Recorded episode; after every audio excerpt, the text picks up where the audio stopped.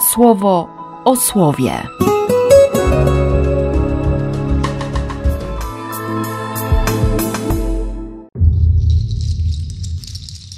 Dwudziesty ósmy grudnia, wtorek. Bardzo trudna jest dla mnie ta dzisiejsza liturgia słowa, bo mam w głowie, w uszach jeszcze słowa kilkunastu, może i więcej kobiet, które straciły swoje dzieci, rodzin, które borykają się ze stratą dziecka. I wiem, że nie wolno, po prostu nie wolno rzucać jakimiś tanimi pocieszeniami, że się nic nie stało, że przecież dzieci w niebie są i tak dalej. Tak, one są w niebie. Stało się.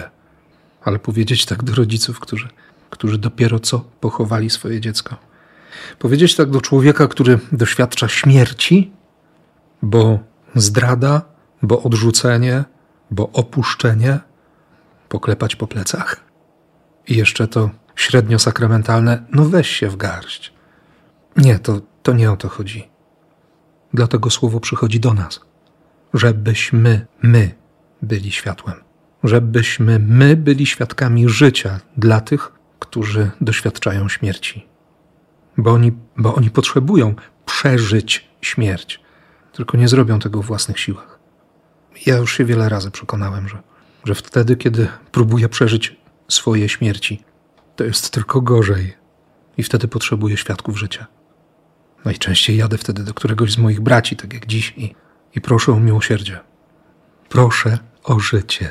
I to jest właśnie ta nowina, która dziś mi otwiera perspektywę życia. Bóg jest światłem, nie ma w nim żadnej ciemności. Nie chcę kłamać, nie chcę być hipokrytą, nie chcę mówić, że nie zgrzeszyłem i nie chcę mówić, że żyję w świetle, kiedy faktycznie nie trzymam się prawdy i chodzę w ciemności. Dlatego właśnie to wyznanie grzechów wobec Boga, który jest wierny i sprawiedliwy w taki sposób, że nam te grzechy odpuści, oczyści nas z wszelkiej nieprawości. I bardzo dzisiaj proszę Boga o to, abym, abym nigdy nie robił z niego kłamcy, żebym nie stracił jego słowa. Zresztą dla ciebie też o to proszę. Bo Ewangelia pokazuje człowieka, który, który stracił słowo Boga, który bardziej był przywiązany do swojego słowa, do swojego oglądu rzeczywistości. Zawiedziony przez mędrców, bardzo się rozgniewał i zaczął mordować. I pewnie, że pojawia się pytanie, dlaczego Bóg nie uratował tamtych dzieci? Uratował syna, tak. Józef usłyszał po raz kolejny archanioła Gabriela, wstał zaraz w nocy, wziął dziecko, wziął matkę, ruszył do Egiptu. A te dzieci, co tam się musiało dziać? Dlaczego? Tu się nie da rzucać frazesami. Tym niestety w dużym cudzysłowie ale jednak takim kościelnym czy kościółkowym mówieniem.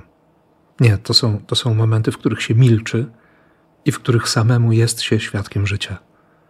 Dlatego tak bardzo ważna jest Twoja czy moja spowiedź, Twoja i moja komunia z Jezusem, nasza wspólnota modlitwy, nasze trwanie w kościele.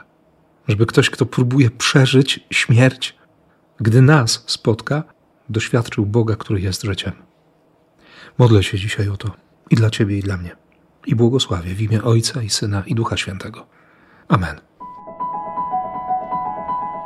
Słowo o słowie.